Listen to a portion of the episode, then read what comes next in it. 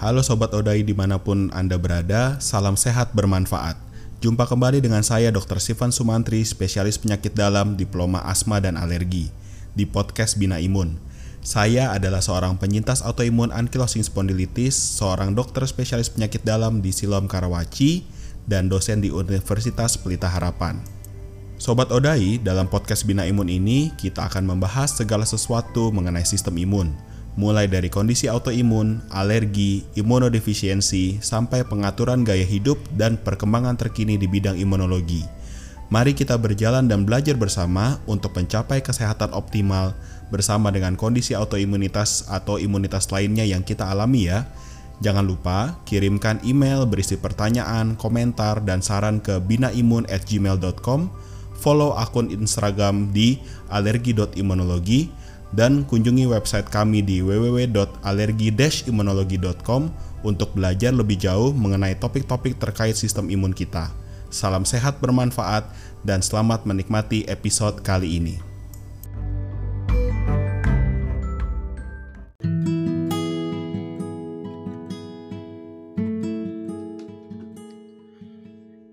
Oke, uh, selamat siang uh, sobat-sobat Odai. Uh, kita jumpa kembali ya bersama dengan saya Dr. Stephen Sumantri di acara Bincang LDHS.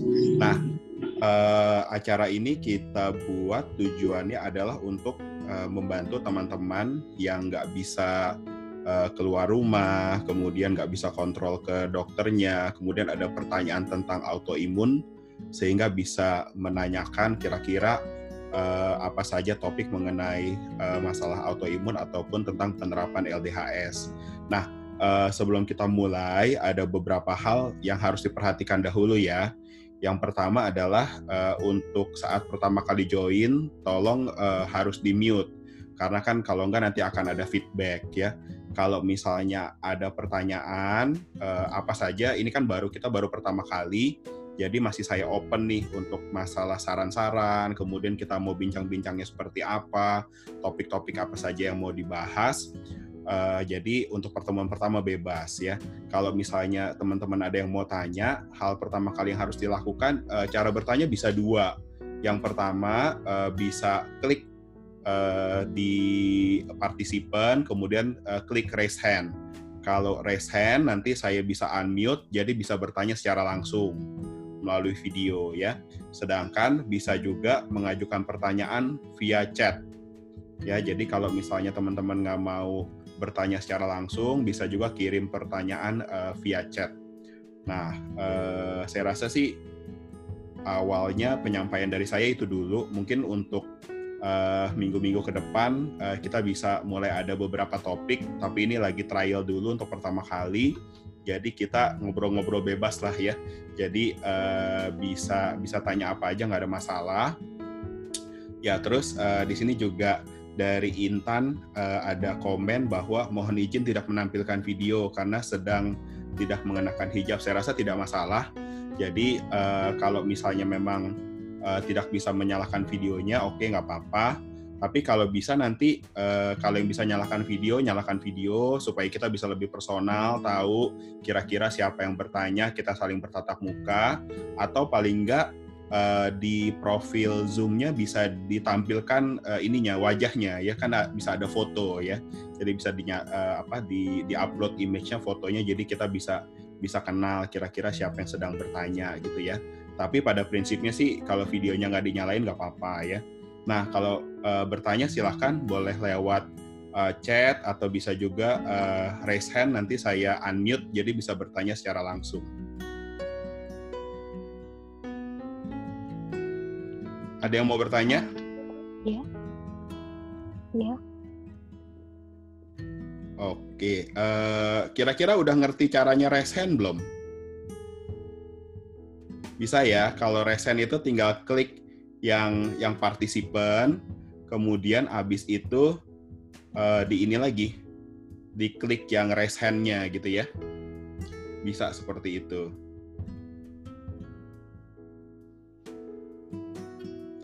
Belum belum ada pertanyaan. Nanti bingung kalau ada pertanyaan. Uh, ya nggak apa-apa Bu Yohan. Kalau misalnya uh, mau nggak menyalakan uh, kamera nggak apa-apa. Tapi nanti memang mungkin uh, berikutnya bisa dikasih gambar uh, picture-nya di-upload ya supaya kita ngerti. Uh, gimana ibu-ibu? Kira-kira ada pertanyaan apa nggak? Karena ini kan kita baru pertama kali ya, jadi saya juga nggak nggak menyiapkan. Oke, silahkan Bu Fidelia. Bu Fidelia ada pertanyaan apa? Uh, gini dok, uh, saya ini kan SLA. Ya Bu. Terakhir saya kontrol itu kan memang kan bulan Agustus. Mm-hmm. Nah memang sih saya sih memang kan bukan berobat di sini, memang saya berobatnya di luar. Mm-hmm. Kan sejak ya sejak COVID ini kan saya kan belum pernah kontrol lagi. Mm-hmm. Nah untuk obat pun ya karena persediaan semakin menipis kemarin itu kan sempat saya itu kan makan terakhir itu yang harusnya memang setiap hari saya kurangin terus sampai akhirnya hanya kemarin tuh satu minggu sekali. Mm-hmm. Tapi terakhir itu kan saya itu kan keluhannya itu kan urtikaria. Mm-hmm. Kalau keluhan yang lain sih enggak. Kecuali mm-hmm. kayak kalau saya kecapean aja sih, mm-hmm. baru saya ngerasa ini okay. uh, kayak lemas kayak gitu. Okay. Nah karena urtik urtikaria itu akhirnya saya itu harus uh, berobat akhirnya ke rumah sakit umum kan.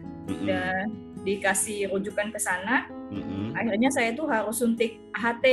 Nah, jadi sekalian kata dokter itu ya udahlah sekalian aja kamu ke PDLAI aja katanya. Coba Ke mana, kamu konsul di sini. Uh, yang PDLAI. Kalau saya kan suntik AHT itu kan di spesialis kulit yang AI. Oke. Okay. Nah, akhirnya saya dirujuk juga ke penyakit dalam yang AI-nya. Oh, penyakit dalam ya, konsultan uh, imunologi. Oke, okay. terus ya, terus, Uh, mm -hmm. Nah, saya sih memang sih dikasih obat lagi di sini. Terakhir mm -hmm. saya itu kan memang uh, tes lab itu kan Januari. Mm -hmm. Kalau tes lab yang biasa sih memang sih hasilnya sih katanya sih nggak ada masalah. Mm -hmm. Tapi SLA saya tuh masih satu banding seribu. Okay. Kalau keluhan dari badan saya sih, saya sih ngerasa sih nggak ada apa-apa sih dok. Okay. Nah, kalau kayak gitu memang saya tuh masih saya terus terang aja sih kalau tiap hari makan obat saya sih ya takut juga sih. Dulu okay. saya sempat face moon kan, eh imun face ah. sampai sekarang sih memang sih sudah normal. Oke, okay. kalau boleh tahu uh, eh, SLE-nya sendiri keterlibatannya apa ya Bu? Apakah ginjal, sendi, atau kulit, atau bukosa? Awal pertama kali saya itu uh, urtikaria urtikaria, oke. Okay. Ya, awal pertama kali. Ya, saya sih nganggapnya sih uh, kaligata biasa ya, karena dari kecil memang saya kan sudah sering kayak gitu kan, kalau cuaca dingin kan. Okay. Nah, jadi saya juga kurang tahu memang kemarin itu. Nah, okay. setelah itu dia hilang, dia hilang terus bengkak. Nah, terus uh, nyeri sendi saya itu. Oke. Okay. Jadi awalnya memang sih di difonisnya sih uh, eh, RA memang rheumatoid. Oke. Okay. Sebelum ke SLA waktu saya okay. uh, ada keluhan rontok aja sih sama saya bilang kena matahari kok saya ini kayak merah-merah. Nah baru okay. dokternya ngeh kayak gitu. Ya kalau misalnya ada keluhan sensitivitas terhadap matahari sama rambut rontok sih biasanya memang lebih mengarah ke lupus ya. Nah yeah. pertanyaan saya uh, urtikarianya itu sendiri atau gatal-gatalnya itu sebetulnya setelah ibu menurunkan obat atau sebelum menurunkan obat? Pertama kali kan waktu sebelum saya tahu sakit ini saya kan urtikaria. Mm-hmm. Habis itu waktu saya mulai bengkak itu urtikarinya hilang. Okay. Saya itu kan bulan Juli uh, Juli 2018 difonisnya itu. Nah, terus okay. urtikarianya hilang uh, okay. muncul lagi itu Desember Desember 2018. Oke. Okay. Kalau saya makan obat dia hilang, tapi kalau saya okay. stop obatnya Oke. Okay sekarang sih sudah mendingan memang sejak suntik AH sejak suntik AHT itu namanya itu. AHT itu apa ya bu? Uh, ya mungkin itu apa tuh namanya? Uh, dia tuh sebenarnya sih uh, apa tuh bu, bukannya suntik AHT istilahnya aja sih sebenarnya. Uh -uh. Awalnya itu saya tuh kan kayak diambil darah terus okay. di darah darahnya itu dikasih oh okay. serum itu ya dites okay. ya okay, nah setelah okay. dia tahu bahwa ini oh benar ini urtikarianya autoimun nih bukan okay. urtikaria yang lain gitu kan okay. nah akhirnya uh, darah saya tuh diambil okay. kayak kayak tes darah itu terus disuntikan kembali ke badan saya oke okay. okay. dia bilang Jadi, karena kan hmm. kita tuh banyak sel yang bagus dia bilang mudah-mudahan okay. dia bisa recovery sendiri dia bilang okay. gitu. memang semendingan okay. sih dok lumayan oke okay. nah uh, sekarang obat apa yang masih dimakan bu? Obat yang dimakan itu uh, prednisol prednisolonnya itu hanya hmm. dua setengah mili dok karena kalau dari sana seminggu kan, sekali. uh, kemarin sempat seminggu sekali saya cuma okay. makan semua obat itu. Oke. Okay. Uh, prednisolon, terus lagi plaquenil okay. 200 mili, terus azamun okay. 50 mili. Oke. Okay. Terus ya obat gatalnya tapi yang dari sini ya, dari uh, lokal kalau itu kan. Okay. Uh, loratadin. Oke. Okay. Uh, sama ya obat uh, cuman obat lambung. Okay. Satu lagi. Oke, okay. ya terus sekarang urtikarianya muncul lagi? uh, muncul tapinya tidak mengganggu. Kalau kemarin itu kan sempat kayak uh, gatel kan, dia muncul se sedikit-sedikit sih dok. Memang urtikaria itu cuma malam sampai pagi. Oke. Okay. Kalau sudah siang sudah kayak panas kena matahari sudah hilang dianya. Oke. Okay. Terus saat ini sudah kontrol ke dokter konsultan alergi imunologi? Iya. Sudah kontrol. Uh -uh. Oke. Okay. Nah, uh, rekomendasi dari dokternya apa bu? ya dia suruh karena dia kan baru satu kali ketemu dengan saya ya cuma okay. berdasarkan hasil lab Januari okay. jadi kemarin bulan Maret itu dia bilang ya terusin aja lah katanya obat yang kamu ini katanya oke okay. cuman ya prednisolonnya aja berubah jadi malah 4 mili sih disuruh oh, tiap hari semua okay. makan obatnya ya. rutin lagi tiap ya. hari. Ya. Saya setuju sih Bu, kalau misalnya uh, saat ini kan walaupun kalau dia sudah agak muncul-muncul, itu kan artinya kan autoimunnya kan sedang tidak terkontrol tuh kalau dia sedang tidak terkontrol memang baiknya obatnya di setiap hariin dulu nanti memang biasanya pelan-pelan dalam waktu sekitar 6 minggu uh, kalau sudah stabil baru kita turunkan pelan-pelan dan biasanya kalau metilprednisolon 4 mg aja sih sebenarnya nggak akan bikin jadi moon phase itu dosis yang rendah sih harusnya aman hmm. iya iya termasuk obat yang lainnya itu ya dok ya Iya, jadi kalau saya rasa kalau memang sudah kontrol ke dokter konsultan alergi imunologi sudah langkah yang tepat. Nah, tinggal uh, nanti kan memang kan sekarang kan dengan kondisi uh, apa COVID seperti ini kan kita nggak bisa uh, keluar rumah sering-sering gitu ya. Nah, jadi kalau misalnya dokternya bisa dikontakkan ya Bu ya? Bisa diskusi oh, sama dokternya gitu ya. Nah, ya, ya udah kalau kalau bisa kontak dengan dokternya itu sudah enak sekali. Jadi tinggal misalnya ibu setiap uh, dua minggu sekali laporan ke dokternya, kira-kira apakah obatnya bisa diturunkan dosisnya gitu kan. Nah biasanya hmm. sih kita kalau misalnya nggak ada masalah, kita bisa guide pasiennya untuk turunkan obatnya setiap uh, satu dua minggu dan kemudian nanti dalam waktu dua sampai tiga bulan baru kontrol lagi juga bisa sih sebenarnya. Iya, karena dulu memang saya sudah pernah coba sendiri kan, karena dosis saya saya lihat. Nah itu nggak boleh bu, kalau coba sendiri kan. tapi lihat, ya memang sih. Harus lihat kondisi, uh. harus lihat kondisi pasiennya ya. Uh. Ah, oke okay, bu ya. Mudah-mudahan jelas ya bu Fidelia ya. Ya, oke. Okay. Okay. Terima kasih banyak ya dok. Sama-sama ibu. Sekarang Mbak Intan ya, Mbak Intan. Mbak Intan silahkan. ya, selamat ya. siang Mbak Intan. Siang jadi gini dok, saya itu kan Sjogren dok. Sebenarnya saya sudah remisi ya dok. Oke. Okay. Setahun ini. Nah ini kok puasa ini saya tiba-tiba jadi kumat uh, apa namanya uh, kulit saya tuh uh, kering sekali dan mengelupas-ngelupas gitu dok seperti uh, apa namanya uh, sakit dermatitis itu loh dok. Gatal nggak bu? Gatal nyeri dan selain gatal uh-huh. dia kok jadi pecah-pecah ya dok okay. uh, maksudnya kulit saya tuh jadi terus ada sedikit berdarah berdarah sedikit gitu dok tapi okay. ya lumayan perih gitu dok okay. lantas uh-huh. uh, hanya semenjak puasa ini juga dok kok uh-huh. saya juga jadi muncul nyeri tapi hanya di, di tangan di persendian jari jemari saya dok yang sebelah uh-huh. kanan Eh. Sementara yang sebelah kiri nggak ngalamin seperti itu. Okay. Kira-kira apakah saya ada salah makan atau apa ya okay. dokter? Jogren ini udah berapa lama bu? Uh, satu setengah tahunan deh dok. Satu setengah tahunan. Tahunya, okay. tahunya. Tapi mungkin sebelumnya saya mungkin sudah, tapi tidak ah. tidak memeriksakan dengan sangat uh, sempurna atau sangat uh, apa menyeluruh gitu dok. Oke, okay. sudah sudah sudah berobat berapa lama bu? Total berobat saya baru berhenti berobat itu tahun lalu uh, sudah enggak dengan obat lagi dok. Oke, jadi sudah sudah lama nggak pakai obat ya bu ya? Betul. Oke, terus uh, dalam masa ini kan puasa baru hari kedua nih bu. Betul. Nah, apa yang berubah?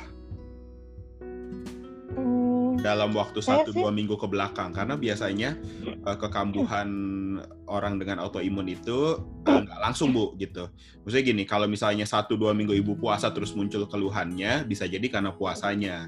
Tapi ini kan iya, puasa betul. baru hari kedua nih, Iya kan? Iya betul. Nah, saya rasa sih kalau sampai muncul keluhan kemungkinan besar masalahnya bukan karena puasanya bu, tapi dalam satu dua minggu ke belakang apakah ada yang berubah? Apakah pola hidupnya berubah, pola istirahatnya berubah, konsumsi obatnya berubah, ibu kena infeksi atau ibu pakai produk kosmetik atau sabun yang baru gitu. Oh begitu ya dok. Ah. Jadi kayaknya kalau saya telah ke belakang sih ini semenjak saya work from home ini sih dok jadi begini gitu. Oke. Okay. Startingnya ya. Sebelumnya kan uh, saya punya jadwal olahraga teratur dok. Okay. Terus minum air saya juga saya cukupkan cukup banyak gitu ya dok. Yang sekarang ini saya kesulitan untuk itu kan olahraganya ah. juga susah ya dok yeah. ya gitu-gitu.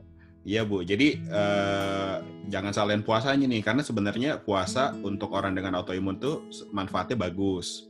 Karena banyak permasalahan autoimun itu justru kalau kita puasa itu dia bisa berhasil dengan baik, uh, terkontrol gitu ya.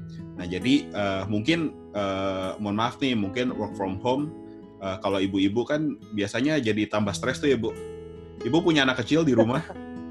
Enggak, anak saya sudah dewasa. Oh dong. sudah dewasa. Atau yeah. atau misalnya work from home-nya apakah membuat uh, yang pasti kan jadwalnya ibu kan berubah ya olahraga jadi nggak nggak terkontrol. Betul. Uh, ada stres nggak bu? Hmm, lebih ke stres karena kerjaan mungkin ya dok. Ya, ya jadi kan kerja dari rumah nggak se, nggak semudah kalau kita kerja ya, di kantor koordinasinya gitu. Betul. Nah itu kan berarti masalahnya udah ketahuan tuh bu. Permasalahannya kan karena stres. Karena kesannya sih kalau yang saya rasa kalau misalnya ibu permasalahannya di kulit, sering kali biasanya permasalahannya karena yang kita bilang neurodermatitis tuh. Jadi reaksi di kulit yang muncul karena kita stres biasanya. Nah, yang pertama sih memang kita harus kontrol stresnya, Bu. Ya kan? Yang kedua, saya saya nggak tahu nih reaksinya seberat apa. Kalau misalnya memang reaksinya berat sekali, biasanya memang perlu kontrol ke dokter kulit untuk diberikan salep atau apa gitu segala macam. Tapi eh, hal pertama yang bisa kita lakukan sih selain kontrol stresnya, yang kedua mesti pakai pelembab bu.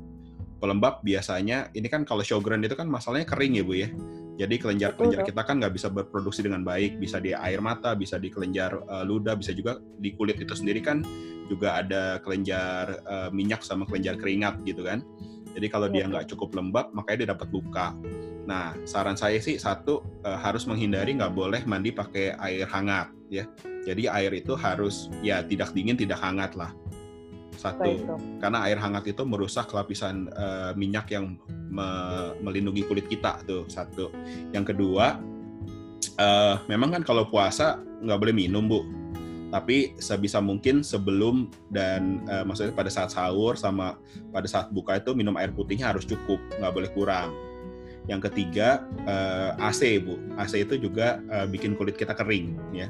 Jadi kalau misalnya ibu biasa bekerjanya pakai AC, mungkin antara AC-nya dimatikan atau di ruangan tersebut ibu pakai humidifier. Yang kayak buat apa aromaterapi gitu ya. Jadi supaya udaranya tetap lembab. Yang keempat oh, mesti gitu uh, yang keempat mesti pakai pelembab bu kalau saran uh, saya ada sih, rekomendasi dok ah, untuk pelembabnya apa? Biasanya saya coba pakai zaitun tapi kok kayaknya seperti oh, nggak guna ya. Ya kalau kalau masanya gini bu, kalau minyak minyakan itu kan dia tidak bikin silen ya. Jadi kalau misalnya pelembab itu sebenarnya yang paling bagus itu adalah uh, pakainya ini apa Vaseline bu. Jadi Vaseline oh. uh, Vaseline album atau Vaseline yang yang tutup biru itu kan dia yang paling bagus tuh bu.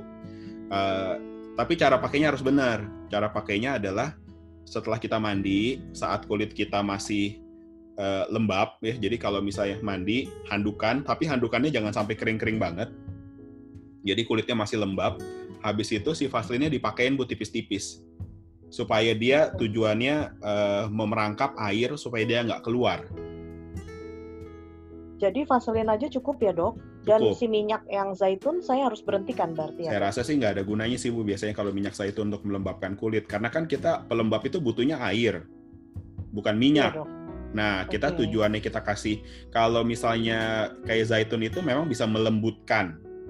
Tapi kalau permasalahan kita adalah kulit kering, ya harusnya adalah setelah kita mandi kulitnya masih lembab kita tipis-tipis kita pakaiin uh, Vaseline bu itu biasanya sih Baik. yang yang paling efektif tapi memang nggak enak ya bu ya karena kan kalau si Vaseline itu kan rasanya lengket ya tapi justru karena kelengketannya itu dia memang uh, dia melapisi yang paling bagus si baik, baik. Uh, Terima kasih banyak ya, dokter. Saya okay. coba dulu deh saran-sarannya. Thank you. Dicoba ya Bu ya. Nanti uh, boleh nanti boleh kasih kabar via uh, grup WhatsApp juga boleh sambil di dicolek-colek sayanya Ibu ya.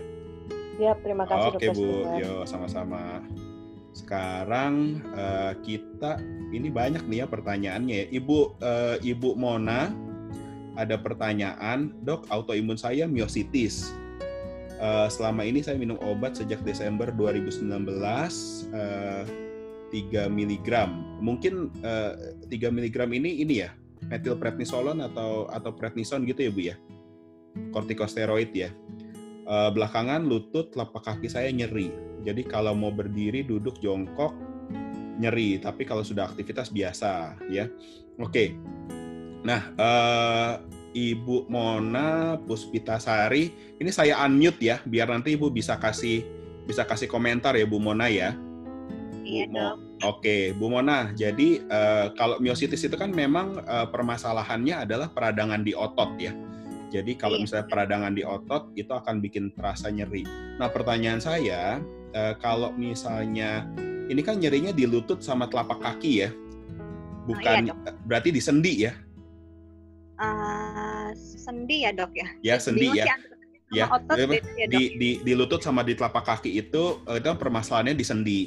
Kalau misalnya miositis karena dia adalah peradangannya sifatnya di otot-otot yang besar, jadi permasalahan itu biasanya adalah nyeri di otot itu kayak otot paha atau misalnya di otot uh, lengan tangan atas gitu ya bukannya yeah. bukannya di bukannya di sendi-sendi gitu ya kalau miositis.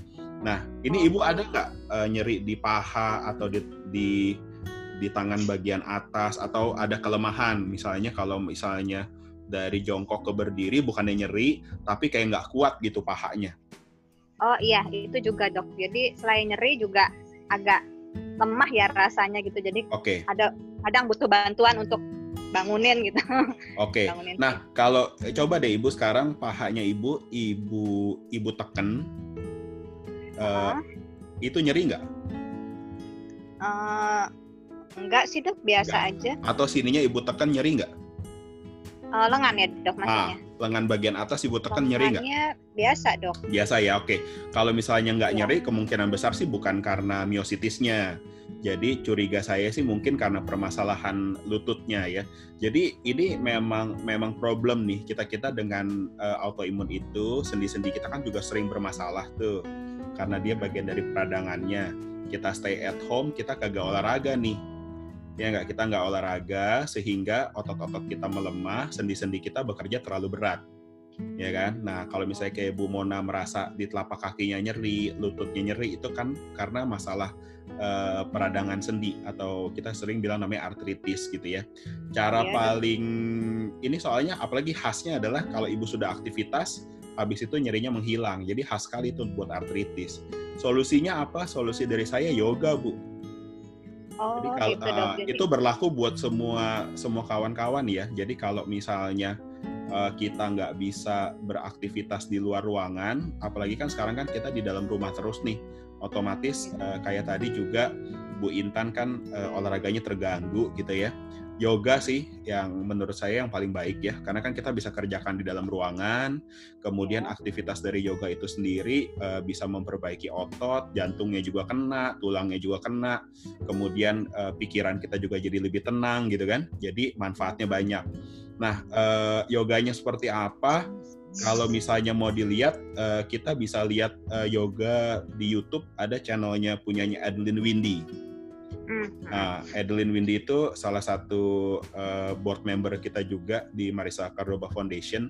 Jadi harusnya kalau yoga, uh, yoga-yoga yang diajarkan uh, cukup aman ya. Atau kalau misalnya memang uh, mau cari ya, biasanya buat kawan-kawan autoimun itu kita yoganya sama seperti yoga buat pasien dengan rematik. Jadi hmm. YouTube bisa cari yoga for rheumatoid arthritis gitu ya. Oh. Itu biasanya adalah gerakan-gerakan yoga yang aman, eh, nggak uh, terlalu heboh-heboh gerakannya dan juga gerakannya biasanya pelan, lembut sehingga nggak bikin uh, mudah-mudahan sih harusnya nggak bikin cedera gitu ya.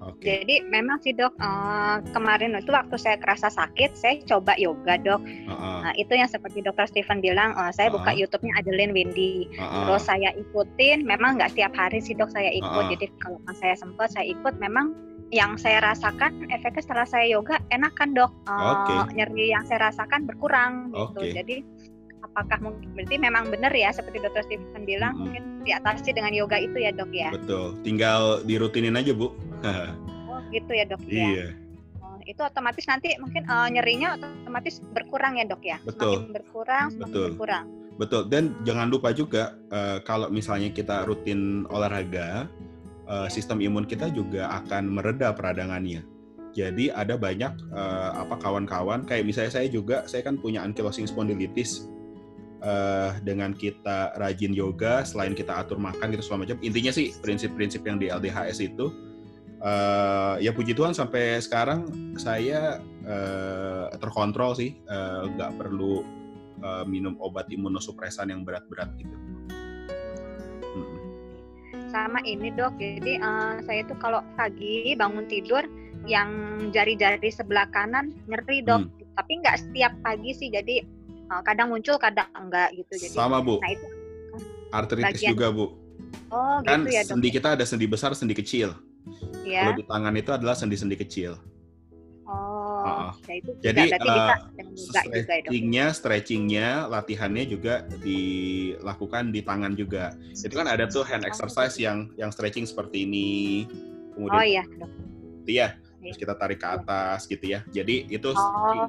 Karena kita dengan autoimun, sendi-sendi kita itu pada saat kita tidur karena nggak gerak, itu dia memang jadi kaku. Kalau kaku, oh. pertama kali gerak pasti rasanya sakit. Tapi iya, begitu ya, sudah gerakin, dia nanti akan uh, apa jellingnya hilang, kemudian kita jadi lentur lagi, jadi kita nggak sakit lagi. Benar. Uh-uh. Oke. Okay. Ya Bu ya, mudah-mudahan jelas ya Bu Mona ya. Jelas dok. Satu oh. lagi boleh dok, maaf ya, dok. Bu? Uh, sama ini dok, mata saya sebelah kanan kan perih dok. Jadi uh, kadang kalau saya nonton TV lama-lama kayak perih rasanya.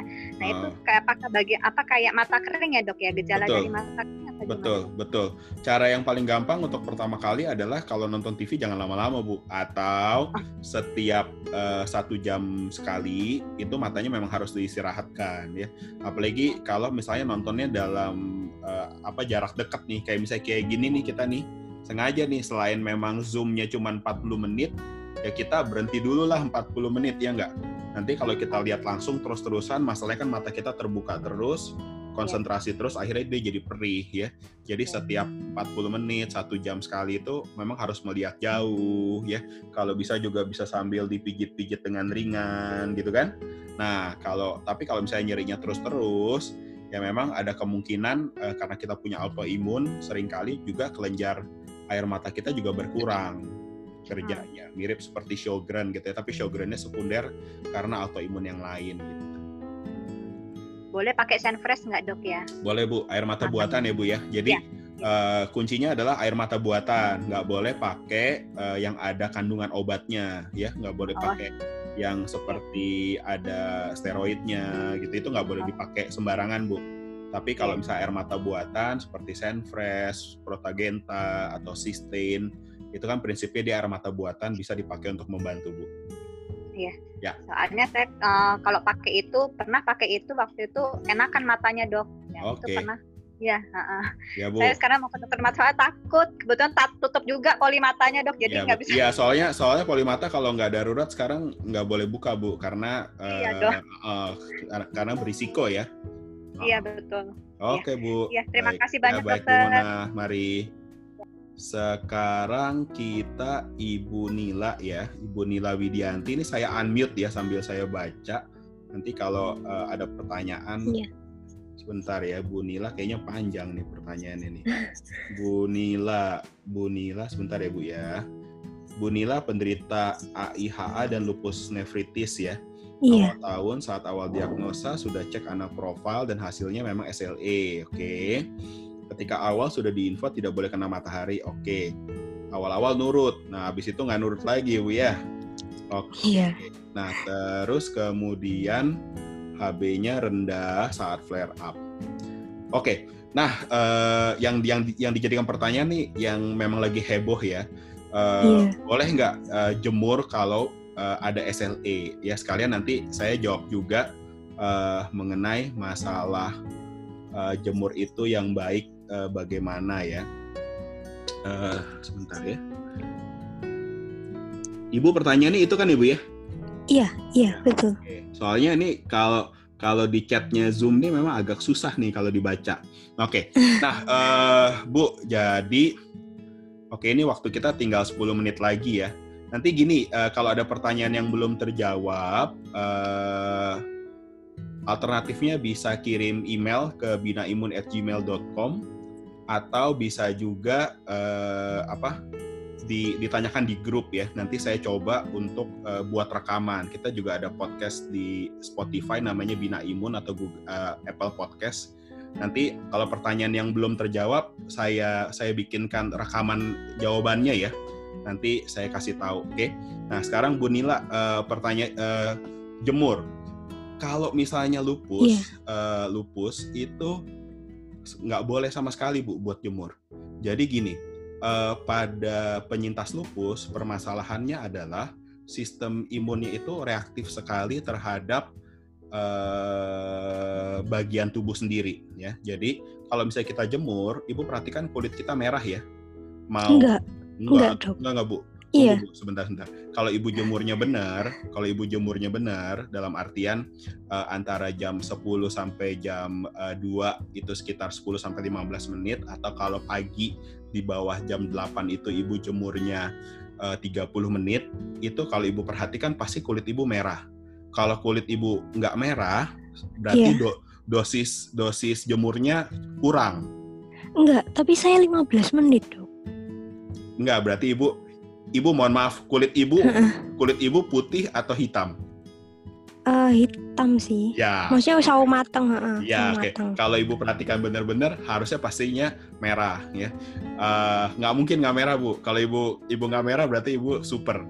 Uh, intinya adalah gini, kalau kita jemur sinar UV itu pasti membuat kerusakan di kulit. Itu memang uh, sudah sudah sudah patokannya begitu. Uh, kalau kita jemur cukup, itu adalah pasti membuat kulit kita merah. Tinggal tergantung kan nanti kulitnya ada yang putih, ada yang uh, sawo matang, coklat, kuning atau hitam gitu ya. Nah itu pasti akan bikin merah. Nah pada penyintas lupus kulit yang memerah itu itu nanti akan dianggap benda asing sehingga sistem antibodinya akan bekerja terus-terusan. Jadi kalau penyintas lupus ada atau nggak ada keluhan pada saat dia berjemur, itu nggak boleh jemur bu, karena nanti ke depannya itu akan bikin lupusnya sendiri lebih gamp lebih susah untuk dikontrol. Oh gitu. Nah, jadi lupus uh, khusus terutama buat lupus uh, nggak boleh uh, berjemur. Kalaupun misalnya ibu mau keluar rumah pun, itu kan kita juga minta ibu tetap harus pakai sunblock. Ya kan, sunblocknya juga harus minimal SPF 50 ke atas harus dipakai setiap uh, dua jam sekali kalau misalnya kena sinar matahari gitu ya bu ya. Jadi uh, oh, kalau misalnya sekarang ibu jemur permasalahannya nanti ke depannya uh, lupusnya bisa su uh, sulit terkontrol. Nah tapi kan ibu tetap hmm. harus mendapatkan vitamin D yang cukup. Kira-kira berapa ya dok? Nah, nah itu uh, kan lewat suplemen ya. Nah, tapi memang Minimal. harus harus ngecek dulu kadar vitamin D-nya untuk membantu kontrol autoimun sih biasa target kita vitamin D-nya antara 50 sampai 70 kadarnya. Hmm. Nah, itu uh, kalau misalnya nanti sudah periksa bisa didiskusikan ke dokter yang merawat kira-kira suplementasinya pakainya dosisnya berapa. Karena kalau uh, vitamin D dosis tinggi itu sudah patokannya jadinya obat. Jadi kalau obat dosisnya itu harus disesuaikan berdasarkan hasil pemeriksaan sama biasanya dipantau setiap tiga bulan sekali. Dosis tinggi itu berapa? Dosis 1000 unit ke atas. Ya, jadi kalau 1000 unit ke atas itu harus dengan pemantauan. Mudah-mudahan jelas ya Bu Nila ya. Biasanya kalau biasa gitu biasanya berapa ya dok ya pemakaian yang maksudnya normal nggak yang terlalu tinggi? Kalau suplementasi aja 400 unit Bu yang dijual bebas. Kan kalau misalnya oh, Ibu mau beli 1000 unit ke atas itu kan pasti harus dengan resep. Kalau apoteknya bener ya. Kadang-kadang ada yang hmm. nakal juga. Dia dia dia jual juga. Padahal 1000 unit ke atas itu uh, itu jatuhnya adalah obat. Karena kalau kita nggak dengan pemantauan, nggak sesuai dengan target, bisa overdosis kalau overdosis itu bisa bikin masalah ginjal dan lain sebagainya. Hmm, iya, iya. Oke okay, ya. Iya. Oke ya Bu ya. Okay. Sip. Ibu Tita sebentar dulu. Ada Ibu Santi. Nggak apa-apa, nggak bisa video. Kalau berdiri, lututnya berbunyi tanda pengapuran. Uh, setuju tadi saya sudah jawab kalau nggak salah itu adalah pertanyaan dari Ibu Ibu Intan ya? Eh, bukan bukan, Ibu Mona ya, Ibu Mona. Jadi permasalahannya lebih ke arah uh, sendi ya, ke arah sendi. Jadi uh, kalau untuk pencegahannya uh, bisa terutama latihan yoga tuh, karena kan kita kan sekarang lagi di rumah jadi nggak bisa berolahraga dengan baik ya. Uh, bisa dicoba di channel YouTube-nya Adeline Windy ya untuk dilihat ya. Kemudian ada pertanyaan dari Riza ini bapak atau ibu ya? Kayaknya bapak ya. Pak Riza ya. SLE keterlibatan otot dan saraf. Bagaimana bila nyeri otot kambus? Oh ini ibu kambus setiap haid sorry ya bu ya. Atau masa subur. Oke. Okay. Uh, eh, jadi oke okay, setuju yoga, kemudian minum air putih yang bagus. Nah kalau misalnya memang uh, lupus itu ada keterkaitannya sama hormon sehingga kenapa sebagian besar penyintas lupus adalah wanita dan kemudian kenapa ada hubungannya sama uh, siklus haid ya. Nah, uh, kalau misalnya kambuh setiap siklus haid, uh, biasanya kan kekambuhan itu kan sebentar ya, sementara ya uh, saya rasa sih uh, boleh untuk uh, dibantu dengan minum obat anti nyeri yang ringan seperti paracetamol ya. Biasanya kalau buat nyeri sih kita bisa 1000 mg atau bisa juga uh, seperti ramuan kunyit uh, itu juga bisa membantu ya. Karena kan kunyit itu kan sifatnya sebagai antiinflamasi uh, di grup sih udah sering diajarin kan bagaimana caranya buat uh, kunyit ya untuk sebagai antiinflamasi, parastamol bisa dan terutama memang olahraga. Jadi sudah banyak tuh penelitiannya untuk nyeri pada saat yang ada hubungannya sama haid. Kalau misalnya kita bawa olahraga itu kondisinya akan membaik ya Bu ya. Mudah-mudahan uh, jelas ya Mbak Riza ya. Sekarang Ibu Tita nih terakhir nih Bu Tita nih. Ya, ya. gimana Bu?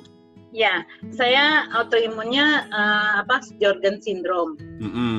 Terus saya ada hipotiroid tapi subklinis katanya. Okay. Okay. Nah, terus saya ada diabetes dan okay. saya juga ada hipertensi. Okay. Jadi saya pagi itu pagi itu saya uh, habis subuh saya minum etirot, etirox 50 mm -hmm. 50 okay. terus terus sebelum makan saya minum mukosta Mm-hmm. Terus makan, habis makan saya minum Fit D 5000, mm-hmm. terus omega 3, multivitamin, okay. uh, sama glukopak dan Norvax 5 okay. mili. Okay. Nah, glukopaknya 350. Nah, kalau siang saya minum Hyaluronic. Oke. Okay. Siangnya. Okay. Terus kalau uh, malam saya minum uh, uh, glukopak, omega 3, multivitamin. Kemarin ini minum vitamin C cuma karena perut.